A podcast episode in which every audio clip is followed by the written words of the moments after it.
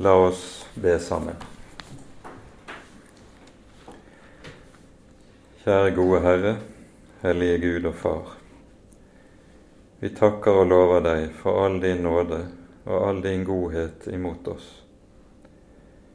Velsignet være du for påskens budskap, budskapet om at du ga din sønn i vårt sted til å sone all vår synd, og reiste ham opp for å gi oss det levende håp. Takk, Herre Jesus, at du tok oss på ditt eget hjerte, og at det er sant at du fortsatt bærer oss på hjertet, og trofast har lovet å holde ved, holde fast på dine inntil enden. Nå ber vi, gode Herre, at du vil sende din Hellige Ånd og være til stede hos oss denne kvelden. I lys i Ordet, at vi må få kjenne deg rett, så vi også kan vandre rett med deg. Amen. Som nevnt innledningsvis så skal vi ta for oss i kveld det problemet som det vi gjerne kaller for spiritualismen, representerer for den kristne menighet oppover gjennom Kirkens historie. Ehm, og Da er det nødvendig først å si litt om hva vi mener med ordet spiritualisme.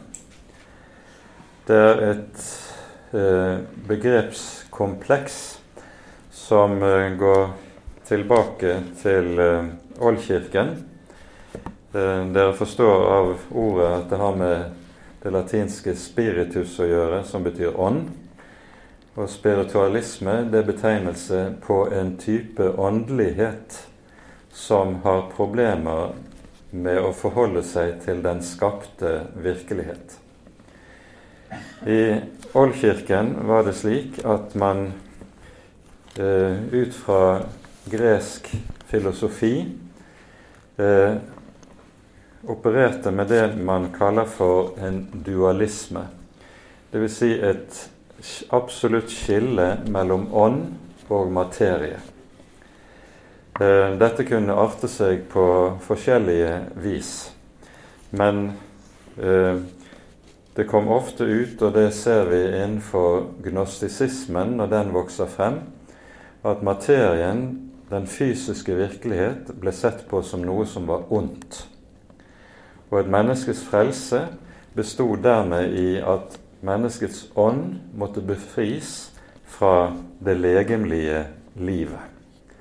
Det, alt som hørte til det legemlige liv, var derfor noe som var ondt, og noe som var mindreverdig. Vi forstår at gnostikerne med denne måten å tenke på uvegerlig ville få store problemer med Bibelens skapelsesberetning. For vår bibel starter jo opp med å berette om skapelsen. Gud skaper verden.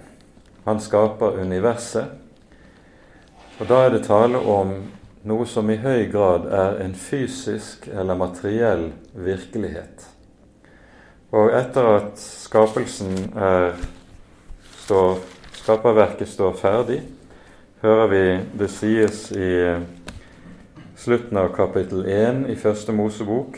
Gud så på alt det han hadde gjort, og det var overmåte godt. Den skapte virkelighet, den fysiske, materielle virkelighet, den er slik den fremgår av Guds hånd, noe som er godt. Det er ikke noe som er mindreverdig, det er ikke noe som er negativt. Og slik Bibelen tenker om det, så er det ikke noe skarpt skille mellom ånd og materie, sånn som man finner i gresk tenkning. Hele Bibelens måte å tenke på dreier seg om at den fysiske virkelighet faktisk har åndelig betydning. Fordi Gud arbeider i den skapte, i den fysiske virkelighet, og bruker fysiske midler, rent eh, materielle midler, som redskaper når han skal frelse. Det skal vi se nærmere på etter hvert. Men det dette innebærer, det er at alt som hører til den skapte virkelighet, det vil etter Bibelens tankegang dermed også være noe som er godt. Arbeid, det å arbeide med hendene, det er noe som er godt. Det er ikke noe som er mindreverdig.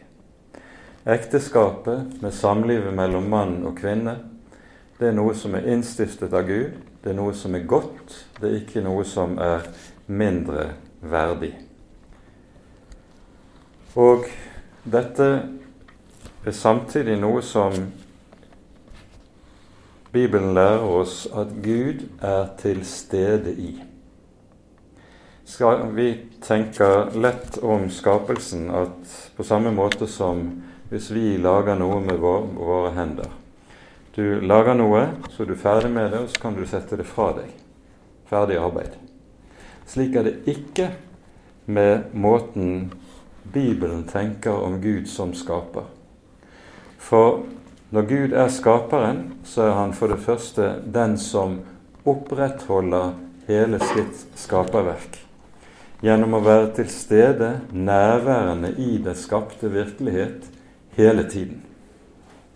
Og Dette kommer ikke bare til uttrykk på den måten som vi kan lese i Salme 139, at når du og jeg blir til i mors liv, så er dette en Guds skapergjerning. Det er ikke noe som bare foregår automatisk etter naturlover som en gang er satt i stand. Nei, det er Gud som aktivt er nærværende og virksom. Men på tilsvarende vis er Gud nærværende og virksom i hele skaperverket. Ikke minst er dette noe vi, eh, som understrekes veldig sterkt for oss i Salme 104, Davids, en Davidssalme som nettopp taler om Guds virksomhet i naturen. Og her tales det ikke om Guds skapergjerning i naturen som noe rent fortidig, at Gud har skapt og så er ferdig med det, men tvert om som noe som han er aktivt nærværende i og virksom i. Vi eh, kan lese noen vers fra slutten av Salme 104. Vi leser fra vers 27. Alle venter på deg, at du skal gi dem mat i rette tid. Du gir dem, og de sanker. Du åpner din hånd, og de mettes med godt. Du skjuler ditt ansikt, de forferdes. Du drar deres livs ånde tilbake, og de dør og vender tilbake til støv. Du sender ut din ånd, og de blir skapt, og du gjør jorden skikkelse ny igjen. På denne måten understreker Bibelen nettopp denne Guds stadige, fortsatte, oppholdende og virkende nærvær i hele sitt skaperverk. Og Dette samlet i en kort og enkel formel i eh, innledningen til Hebreabrevet, det, det, er jo en innledning der vi hører meget eh, komprimert om Kristi person og om Kristi guddom, hvem Jesus er. Her i, Vi kan lese de tre første versene i Hebreabrevets første kapittel. Etter at Gud fordums tid mange ganger og på mange måter hadde talt gjennom profeten, til fedrene gjennom profetene, har han nå i disse siste dager talt til oss gjennom Sønnen. Ham har han også innsatt til arving til alle ting. Ved ham har han skapt verden. Han er avglansen av hans herlighet og avbildet av hans vesen, og han bærer alle ting ved sin krafts ord. Altså hele skaperverket bæres i kraft av ordet fra Kristi munn. Skaperverket er blitt til ved ham. Det er blitt til for ham. Det er han som er skaperverkets mål, og det er han som også holder skaperverket oppe ved sitt ord. Det er ikke den ting i den skapte virkelighet som kunne eksistere dersom han ikke hele tiden hadde det i sin hånd og holdt det oppe. Derfor må vi aldri tenke om skaperverket at det er like som et maskineri som eh, en gang er gjort ferdig og satt i gang, og så går av seg selv etter en egenlovmessighet som er nedlagt i det fra begynnelsen av. Nei, tvert om. Gud er hele tiden nærværende og virksom i det skapte. Dette er avgjørende for oss å være klar over, fordi det gir et perspektiv på verden og på virkeligheten som eh, er nokså fjernt fra meget av den type åndelighet som har påvirket store deler av Europas kultur. Eh, Ludvig Hope taler om eh, i en sammenheng om noe av dette og en spissformulering. Han sier 'Gud er verdslig'. Og Det er ganske treffende med tanke på det som vi her peker på. Gud er i sitt virke ikke begrenset til en eller annen åndelig virkelighet der han skal gjøre oss spesielt åndelige. Tvert om, han er nærværende i hele sitt skaperverk. Og Det er ikke sånn at du og jeg må ut av den faktiske virkelighet som vi lever i, for å komme nærmere Gud. Det er motsatt. Det er Han som vil inn i vår virkelighet der vi er. I arbeidet, i hjemmet, i dagliglivet, i den skapte virkelighet der vi, leser, der vi lever. Der er det Han vil være til stede.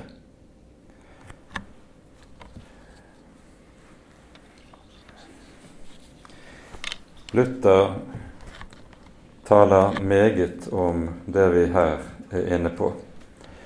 Og eh, jeg tror det er riktig å si at den lutherske reformasjonen også innebærer en gjenoppdagelse av skapelsen, og hva skapelsen betyr i Bibelen og i Bibelens tenkning. Vi kommer litt tilbake til det etter hvert.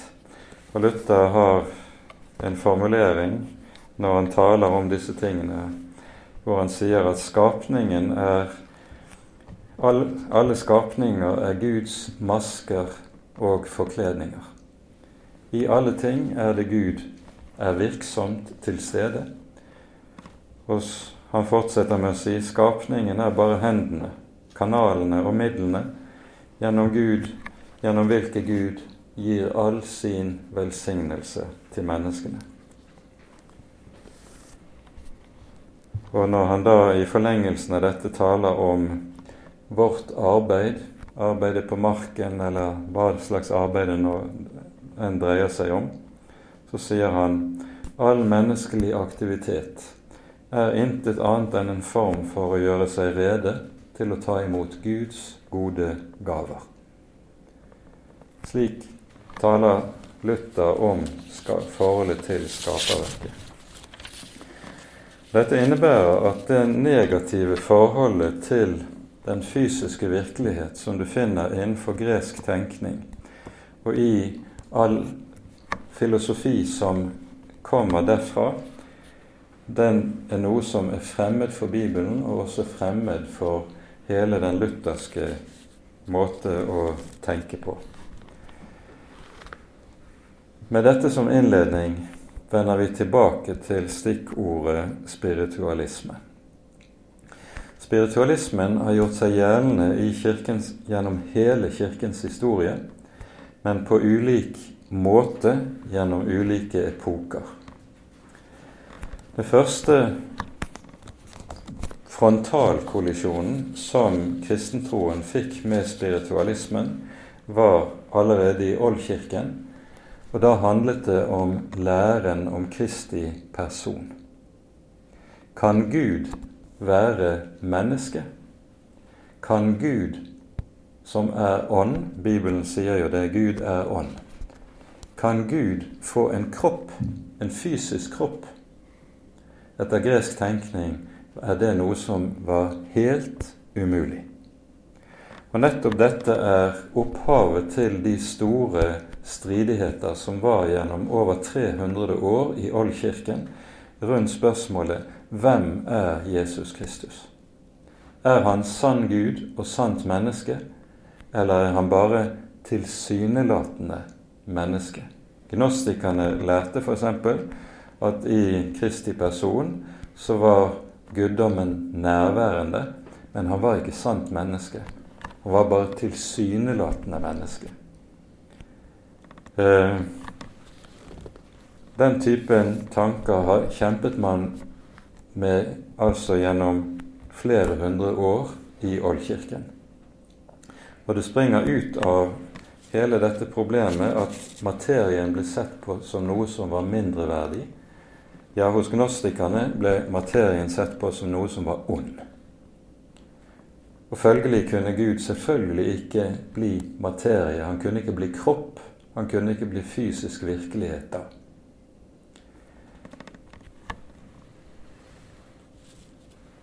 Dette føres da til ende i det den bibelske åpenbaringstroen seirer under kirkemøtet i Nikea og suppleres ved kirkemøtet i Konstantinopel i 371. Og så har vi den nikenske trosbekjennelsen som uttrykk for det at den greske tanken her ble overvunnet. Om Jesus sies det at han er Gud av Gud, sann Gud av sann Gud, født, ikke skapt, av samme vesen som Faderen. Og samtidig sant menneske, født av en kvinne, født under loven. Om Kristi person må det alltid sies to ting. Han er både menneske og Gud. Som Gud er han ånd av evighet. Som menneske er han kropp, fysisk tilstedeværende i en fysisk skapt virkelighet. Han er begge deler på en og samme tid. Denne problemet med forholdet til den fysiske virkelighet kom også til uttrykk på, i Oldkirken gjennom problemet med å godta oppstandelsen. Ja, hvis Jesus var frelseren, så kunne han godt stå opp, men ikke legemlig. En legemlig oppstandelse ville være i strid med alt som var rett å tenke, slik det var innenfor gresk tenkesett. For han, der handler det jo frelsen nettopp om at menneskets ånd skal befris fra fangenskapet i legemet. Og Derfor kunne man tale om oppstandelsen som en åndelig realitet. Men Bibelen insisterer jo på at oppstandelsen er legemlig. Det er en legemlig oppstandelse. Så også på dette området er det altså at Den hellige skrift går tvert imot det som var alminnelig fornuft, fornuftstenkning innenfor hele den gresk-romerske verden på denne tid. Og når Skriften også lover at vi skal stå legemlig opp fra de døde, så ligger det i forlengelsen av dette. Etter at de kristologiske stridighetene i Oldkirken la seg og var, en var ferdig på dette punkt, så kom eh, spiritualismen til å ytre seg på en annen måte, og som kommer til å bli ganske dominerende gjennom hele middelalderen. Eh, mye av hovedkilden til dette er to sentrale kirkefedre. Origenes, som dør rundt år 250. Hele hans teologi er gjennomvevet av gresk eller platonsk tenkning. Og dernest Augustin. Augustin er jo den som er den store normalteologen for hele middelalderens teologi. Og måten spiritualismen kommer til å gjøre seg gjeldende, er i form av askesen. Det asketiske grunnsynet på tilværelsen så på nettopp den fysiske virkelighet som et problem. Og Derfor handlet det å kunne leve rett med Gud, det å kunne bli et åndelig menneske, på ulike måter å trekke seg tilbake fra denne verden. Det er det som skjer i munkevesenet, og det er det som skjer i kravet om sølibatet. Ekteskapet med dets fysiske samliv mellom mann og hustru, det blir noe som blir mindreverdig. Og de som vil være hellige, de må forsake den slags. Mens Bibelen jo motsatt tenker dette hører med til Guds gode gaver som er gitt i og med skapelsen. Det asketiske tenkesettet kommer til å dominere gjennom hele middelalderen, og dette ser vi ikke minst i det som skjer i munkevesenet. Og Det er først gjennom reformasjonen og Luthers skrifter at dette møter sin egentlige eh, mot, en motstand som gjør at det, denne tankegangen overvinnes innenfor reformasjonskirkene. Men under reformasjonen så kommer da spiritualismen i stedet til å gjøre seg gjeldende på enda et ny måte. Og det blir da i forhold til læren om sakramentene. Jesus har innstiftet dåpen og nadværen og knyttet løftet om frelse, om tilgivelse, om Den hellige ånd, nettopp til at vi anvender disse ytre midler. Det samme gjelder også Guds ord. Guds ord er jo også egentlig noe som er fysisk. Ikke sant? Ordet kommer ut som lydbølger som når ditt øre og gjør en virkning på ditt øre, og så hører du. Ånden følger denne fysiske virkelighet. Det ytre, lydelig forkynte ord, vannet som er gitt i dåpen, og brødet og vinen som er gitt i den hellige nattverd. Men under reformasjonsårhundret så kommer det et opprør mot det. Den slags er jo uverdig for Gud. Derfor er alle disse ytre ting, vannet, brødet og vinen som er gitt oss i nadværen, det må forstås symbolsk. For vann kan jo ikke frelse. Brød og vin kan jo ikke velsigne. Det er tankegangen. Og Derfor så tenker det vi kaller for svermerbevegelsen, de tenker nettopp symbolsk om dette. Og Det slår også ned i den kirkefamilien som vi kaller for den reformerte kirkefamilien. Svingli og Calvin og reformasjonen i Genéve de har store problemer med å tenke nettopp at Gud rekker oss sin velsignelse gjennom noe som er fysisk virkelighet. Nei, det er ikke åndelig nok.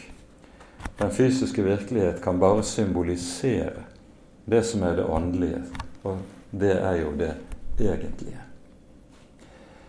Men dermed så brytes hele tenkningene om nådemidlene ned. For hva er et nådemiddel? Vi ser et tydelig eksempel på dette i fortellingen om kobberslangen i, under ørkenvandringen, som vi hører om i 4. Moseboks 21. kapittel. Her er det sånn at Israels barn på ny faller i synd under ørkenvandringen. Og så skjer det at der kommer slanger inn i leiren og biter folket, og det er mange som dør av slangebitt. Og så er det folket kommer til Moses og sier 'Vi har syndet'. Be til Herren for oss at han vil ta bort slangene. Og Moses gjør så, og får da til svar. Gjør deg en slange av kobber, sett den på en stake midt i leiren. Og det skal skje at hver den som er bitt og ser på slangen, han skal leve. Kan en kobberslange helbrede noen fra slangebitt? Nei, overhodet ikke. Den er kun en fysisk virkelighet. Men når Gud gir et løfte, og knytter et løfte til denne fysiske virkelighet, da blir den et nådemiddel. Og da er det det får den virkning som Gud har lovet i det løftet som er knyttet til det ytre middelet. På samme måte har Gud knyttet et bestemt løfte til, dåp, til vannet i dåpen. Vannet i seg selv kan ingenting gjøre, men der dette løftet kommer til, der blir vannet et virkekraftig vann som gjør nettopp det som Det nye testamentet sier. Det føder oss på ny, renser oss fra synden og gir oss Den hellige ånd og gjør oss til lemmer på Kristi legeme. Intet mindre. Løftet er kommet til det ytre middel. Og dermed så er det å gjøre bruk av det ytre middel, det gir del i det som løftet sier. Og Nøyaktig samme saken gjelder også om Den hellige nadvær. Jesus har knyttet et løfte til nettopp at vi bruker brødet og vinen slik som han har sagt det. Dette er mitt legeme. Dette er den nye pakt i mitt blod, som utøses for dere til syndenes forlatelse. Gjør dette til minne om meg. Og så skjønner vi at fordi Jesus har knyttet disse ord og denne befaling til dette ytre middel, brød og vin, så blir brødet og vinen under nadværen bærer av denne store velsignelsen som Jesus har gitt oss. Vi får del i syndenes forlatelse. Vi eter hans legeme og blod.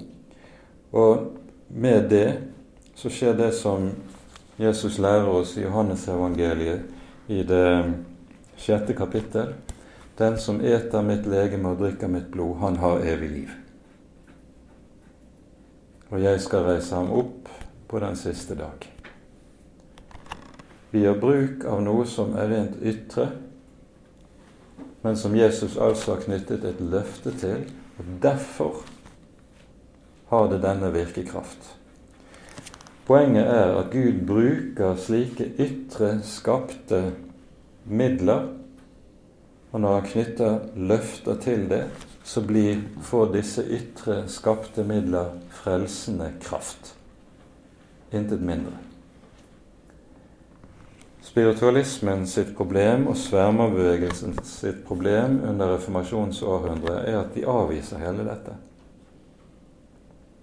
Fordi man har den fornuftstenkning som sier at ytre fysiske ting kan ikke ha åndelig betydning, kan ikke være bærer av åndelig velsignelse. Bibelen tenker altså rakt annerledes. Det innebærer at under reformasjonen så hadde Luther, en to, må Luther kjempe en tofrontskrig. På den ene siden har han kampen mot Rom, mot pavekirken. Og på den andre siden får han kampen mot spermabevegelsen. Og den lutherske reformasjonen blir altså til mellom disse to som et skylda og karybdis, to begreper fra den gamle greske mytologien. Det er et smalt sund som går mellom Skylla og Karibdis, og begge to bærer i seg en dødelig fare. Går vi videre utover i den lutherske kirkes historie, så vokser pietismen frem på slutten av 1600-tallet og begynnelsen av 1700-tallet. Og innenfor den gren av pietismen som vi kommer til å bli preget av i Danmark-Norge, det er hallepietismen, der kommer man også til å se få en spiritualistisk innflytelse. Dette kommer for en del av at flere av de pietistiske fedrene hadde hatt eh, kontakt med Calvins Genéve og reformasjonen i Genéve og hentet impulser derfra. Og Det som kommer til å bli noe av et problem der, det er at en ser en motsetning mellom ytre ordninger og åndens frihet. Det fører jo til at da blir f.eks. Kirkens liturgi et stort problem.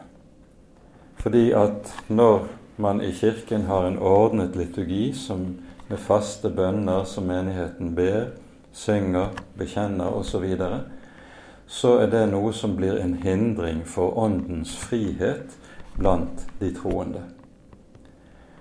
Det er nøyaktig samme type spiritualisme som kommer til å gjøre seg gjeldende bare på et nytt område. Dette er noe som Luther kommer til å foregripe i eh, et skrift fra 1539 som heter 'Von den Konsilien und Kirchen'. Jeg tror vi har nevnt dette skriftet tidligere. Eh, det, I dette finner vi kanskje aller klarest det som er Luthers kirketenkning satt frem for oss. Men før vi går nærmere inn på det, må vi se på det siste utslaget som den spiritualistiske understrømmen i kirkehistorien får. Det er innenfor kirketenkningen. Man finner det du kunne kalle for en spiritualistisk kirketenkning. Det som kjennetegner denne, er at den har store problemer med det at Kirken har ytre ordninger for sitt liv.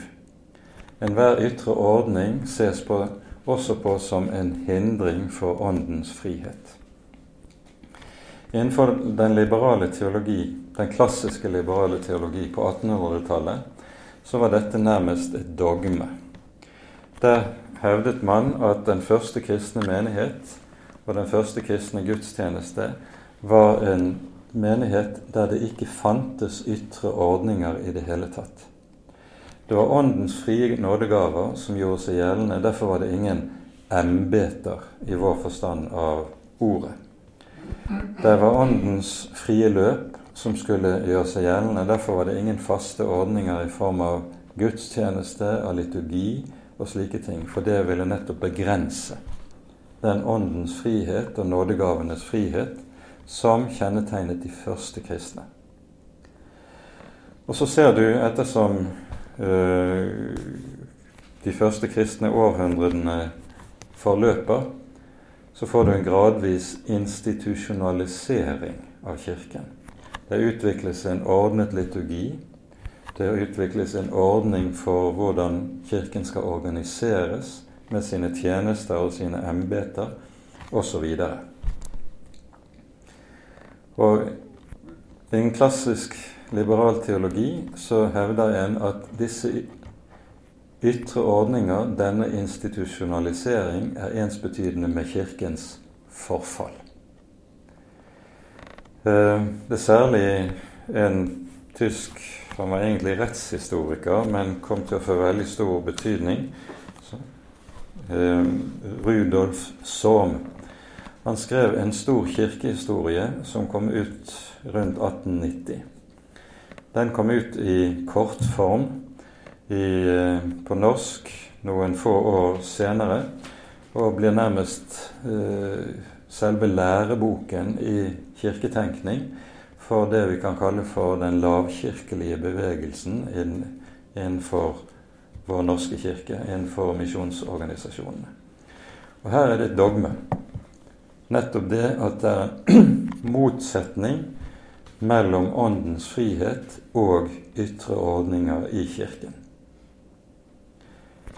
Um, I tråd med denne tenkning så førte dette til at liberalteologien anså pastoralbrevene i Nytestamentet som noe som umulig kunne være skrevet av Paulus. For i pastoralbrevene så ser du nettopp pastoralbrevene, det Titusbrevet og de to Timotiusbrevene. De er jo skrevet til pastorer i menighetene. Og de, I disse brevene så røpes det veldig klart at det er tydelige ordninger for menighetene i uh, kirkene som Paulus uh, skriver til. Men pga. dette skjemaet som man har laget seg, så tenker man pastoralbrevene må være blitt til lenge etter at Paulus var død.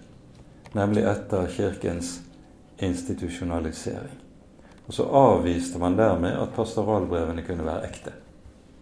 Det var vanlig innenfor liberalteologien. I dag er erkjennelsen innenfor nytestamentlig forskning at alt dette er en måte å prøve å tilpasse terrenget etter et kart som er feilaktig. Det man finner i den første kristne menighet, er både ytre ordninger og en åndens frihet der nådegavene gjør seg gjeldende. Og de står ikke i motsetning til hverandre, de kompletterer hverandre tvert imot. Det er den erkjennelsen som vi finner i dagens nytestamentlige tenkning. Poenget er i dette at en spiritualistisk kirketenkning vil avvise at ytre ordninger er nødvendige i en kristen menighet. I det som er vår grunnleggende bekjennelse, den augsburgske bekjennelsen, der er jo, har vi vært inne på flere ganger det som er hovedartikkelen. Det er kirkeartikkelen, artikkel 7. Vi lærer at det alltid vil forbli én kristen kirke. Men kirken er de hellige samfunn, der evangeliet forkynnes rett og sakramentene forvaltes rett. Og det er tilstrekkelig til Kirkens enhet å være enige om de to ting. Evangeliets forkynnelse og sakramentenes forvaltning. Og så følger det etterpå. Det er ikke nødvendig at det alltid og alle steder er samme ytre menneskelige ordninger. De menneskelige ordninger kan nemlig i stor grad få lov til å være frie. Dette har betydd at lutherdommen alltid har gitt en stor grad av frihet og slingringsmonn når det gjelder ytre ordninger. Fordi Bibelen befaler ingen bestemt ytre ordning. Det er nødvendig med ytre ordninger, men ulike kulturer, ulike tider, ulike forhold gjør at noen ordninger vil være tjenlige ett sted, som slett ikke vil være tjenlige et annet sted. Og Derfor har man innenfor lutherdommen alltid tenkt at vi trenger det som vi kaller for kirkerett. Men man har vært klar over at det er en fundamental forskjell på det som kalles for jus divinum, og det som er jus humanum. Jus divinum det er det som er påbudt og befalt av Gud i Den hellige skrift. Det er det den augsburgske bekjennelsen sier at det er tilstrekkelig til Kirkens enhet å være enig om evangeliets forkynnelse og sakramentenes forvaltning. Det er jus divinum. Det er det som er innstiftet av Gud, gitt av vår Herre og Frelser gjennom Hans apostler. Jus humanum, det er den, de ulike ordninger som man finner nødvendig og tjenlig her på det menneskelige området for å regulere en kristen menighets liv. Og disse lover som kommer til uttrykk i det som vi kaller for kirkerett, de har først og fremst som formål å sikre at evangeliet, evangeliets forkynnelse kan få lov til å lyde slik det skal lyde i menighetene, at sakramentenes forvaltning kan skje på forsvarlig vis. Det er de to grunnleggende forhold. Det skal Kirkeretten sikre. For å ta et konkret eksempel. Når det gjelder sakramentsforvaltningen, så er det en sak som er veldig sterkt eh, beslektet med det som har med sakramentsforvaltningen å gjøre, og det er det som har med kirketukten å gjøre. Der hvor et menneske lever i strid med Guds ord og ikke vil omvende seg, etter, altså etter å ha blitt formant Eh, og blitt forelagt hva Bibelen klart sier om en sak. Der lærer Bibelen at vedkommende skal utelukkes fra sakramentet, dvs. Si fra nadværbordet. Men det er helt nødvendig at det som vi derfor kaller for kirketukt, ikke foregår vilkårlig. Ikke skjer på sparket ikke skjer på måter som gjør at man kan risikere å gjøre mennesker urett. For det er noe som vi dessverre har sett ganske mange eksempler på i Kirkens historie, at mennesker har vært utsatt for kirketukt på måter og på premisser som slett ikke er bibelsk. Og Da må man ha så å si en regelbok som kan si noe om hvordan en skal gå frem for at dette skal skje på forsvarlig måte, og at man ikke gjør noen urett. Det er bare ett konkret eksempel når det gjelder på dette, dette som har med forholdet til å sikre at sakramentsforvaltningen skjer på rette måte. Så vil det også være sånn at en kristen menighet vil selvfølgelig komme til å eie bygninger man vil ha en økonomi osv. Og, og for å sikre seg mot misbruk på slike områder, så er det også nødvendig å ha et regelverk som gjør alle slike forhold gjennomsiktige. Det skal ikke være noe som ikke tåler dagens lys. Og at man da har eh, et, sørger for at man kan ha regelverk som bidrar til dette, det er en velsignelse for den kristne menighet. Og vi skjønner ytre ordninger er noe som er nødvendig her i verden, for vi lever ikke i paradis. Vi lever i en virkelighet der dette er nødvendig. Og Da kan det være godt for oss å huske på at når Gud skaper, slik vi leser om det i begynnelsen, så er Guds skapergjerning alltid dobbel. Den første skapergjerningen består i at Gud bringer noe inn til virkelighet. Bli lys, og det blir lys. Han skaper noe av intet. Men det som han deretter gjør, det er at han har en ordnende gjerning i det skapte. Lys og mørke skilles. Vann og tørt land skilles. Dette er en ordnende gjerning. Så skapelse og ordning det går hånd i hånd i skapelsesberetningen. Og nettopp på samme måte vil det også være når den skapte virkelighet i den kristne menighet skal reguleres. Det må ordning til. I Det nye testamentet møter vi to sentrale ord som taler litt om dette. Det første finner vi i 1. Korinterbrev, i det 14. kapittel. Det er, et kapittel der vi hører apostelen må gå i rette med all den uorden som gjør seg gjeldende i korintermenigheten. Dette, dette er en uorden som henger sammen med at det har vært en karismatisk vekkelse, om du kan si det sånn, i Korint, som nærmest har gått over stokk og stein.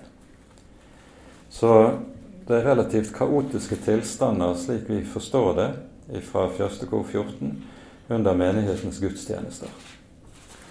Og så er det Paulus gir klare retningslinjer for hvordan dette skal foregå. Eh, profeters åndere skal være profeter lydige. Eh, det er ikke sånn at Åndens gaver gjør seg gjeldende med så å si uimotståelig tvang, men det skal alltid være en orden på det som foregår i menighetens samlinger. Og så samles det hele opp i ordene i eh, kapittel vers 33 i det 14. kapittel. Gud er ikke uordens Gud, men freds Gud. Her kunne man ventet at det sto Gud er ikke uordens Gud, men ordens Gud. Men det står altså som motsetning Gud er freds Gud. Årsaken til at ordet fred anvendes, det er jo at bakom det greske ordet så ligger det hebraiske shalom. Og i ordet shalom ligger den fullkomne guddommelige harmoni og orden. Sånn at orden ligger i bunn i fredsordet. Så det er ikke bare tale om at noe skal være fredelig, men det taler om en orden som har med den guddommelige harmoni å gjøre. Dernest hører vi Paulus i, når han skriver til menigheten i Kolosset, så står det i eh, det andre kapittel at han med glede ser den gode orden som er i menigheten. Her brukes det et gresk ord som heter taksis. Og Dette ordet betegner nettopp det at det er en ryddighet, en orden, i hvordan ting foregår. Det gjelder både i menighetens gudstjenesteliv og i hvordan menigheten har ordnet de ulike tjenestene og livet ellers som slik det skjer i forsamlingen. Og dette er noe Paulus altså roser. Han sier ikke at dette er noe som er i strid med Åndens frihet. Tvert imot. Den hellige ånd gjør seg gjeldende i den skapte virkelighet. En spiritualistisk kirketenkning den vil alltid avvise nødvendigheten av ytre ordninger. Og dette er noe som eh, man ofte kan se, eh, kanskje særlig innenfor karismatikken, også innenfor deler av den lavkirkelige eh, delen av kirkelivet. Der man nettopp ser ytre orden og åndens frihet som motsetninger. Det er en variant av den greske dualismen mellom ånd og materie som kommer til uttrykk på det viset. Men det samme, så å si, tankemessige understrøm som gjør seg gjeldende, som, og som kommer altså fra gresk tenkning. Til slutt Vi nevnte så vidt Luthers eh, bok fra 1539, 'Von den Konsilien und Kirchen'. Her er det Luther gjør klart for oss hva som er kjennetegnene på en sann og rett kristen menighet. Første halvdel av boken er en gjennomgang av de oldkirkelige konsilene. Eh, det behøver vi ikke å beskjeftige oss med her. Mens den siste delen av boken peker på at en sann og rett kristen menighet har helt klare, definerte og bestemte kjennetegn. Og Luther lister i denne sammenheng opp syv. I eh, bekjennelsen, i eh, den augsburgske bekjennelsen har vi fem. Der er det nemlig ordet, evangeliets forkynnelse. Dåpen, nadværen, skriftemålet og embetet. Alle disse fem omtales uh, uttrykkelig i Augustana. I dette, denne boken om konsilene og Kirken så lister Luther opp to kjennetegn til. Det ene er bønnen. Og med ordet bønn så tenker Luther ikke på den rent personlige bønnen som ethvert kristent menneske jo lever i. Men han tenker på den offentlige bønn som skjer i Kirkens gudstjeneste. Han tenker med andre ord på Kirkens liturgi. At det er en ordnet offentlig gudstjeneste. Det ser Luther på som et viktig kjennetegn på en rett kristen menighet. Og så føyer han til det siste kjennetegnet, det syvende, det er korset. Der hvor det er slik at evangeliet møter motstand. Der hvordan nå enn denne motstand ytrer seg, det kan være meget forskjellig i de forskjellige tider og forskjellige kulturer. Der evangeliet møter motstand, der har du et kjennetegn også på den rette kristne menighet. For sant er det som Herren sier i Lukas evangeliet sjette kapittel, ved dere når alle taler vel om dere. For slik talte deres fedre om de falske profeter før dere. Det å ikke akkurat være populær fordi du hører Jesus til og forkynner evangeliet, det hører altså med til vilkårene som en kristen menighet må leve under her i tiden, og er et av kjennetegnene på den rette kristne menighet. Når Luther altså taler slik om den kristne menighet, så er det tale om rent faktiske ytre kjennetegn. Vi hører ikke noe om at fromme gjerninger blir kjennetegn på en rett kristen kirke. Vi hører ikke noe om at en bestemt ånds fylde skal være kjennetegn på en rett kristen menighet. Vi har ingen slike subjektive kriterier som legges til grunn. Det som legges til grunn hele veien, det er det vi kan kalle for objektive ytre kriterier. Ting som hører til den skapte virkelighet, den ytre skapte virkelighet som også er en ordnet virkelighet, der Guds hellige ånd får lov til å arbeide og å virke.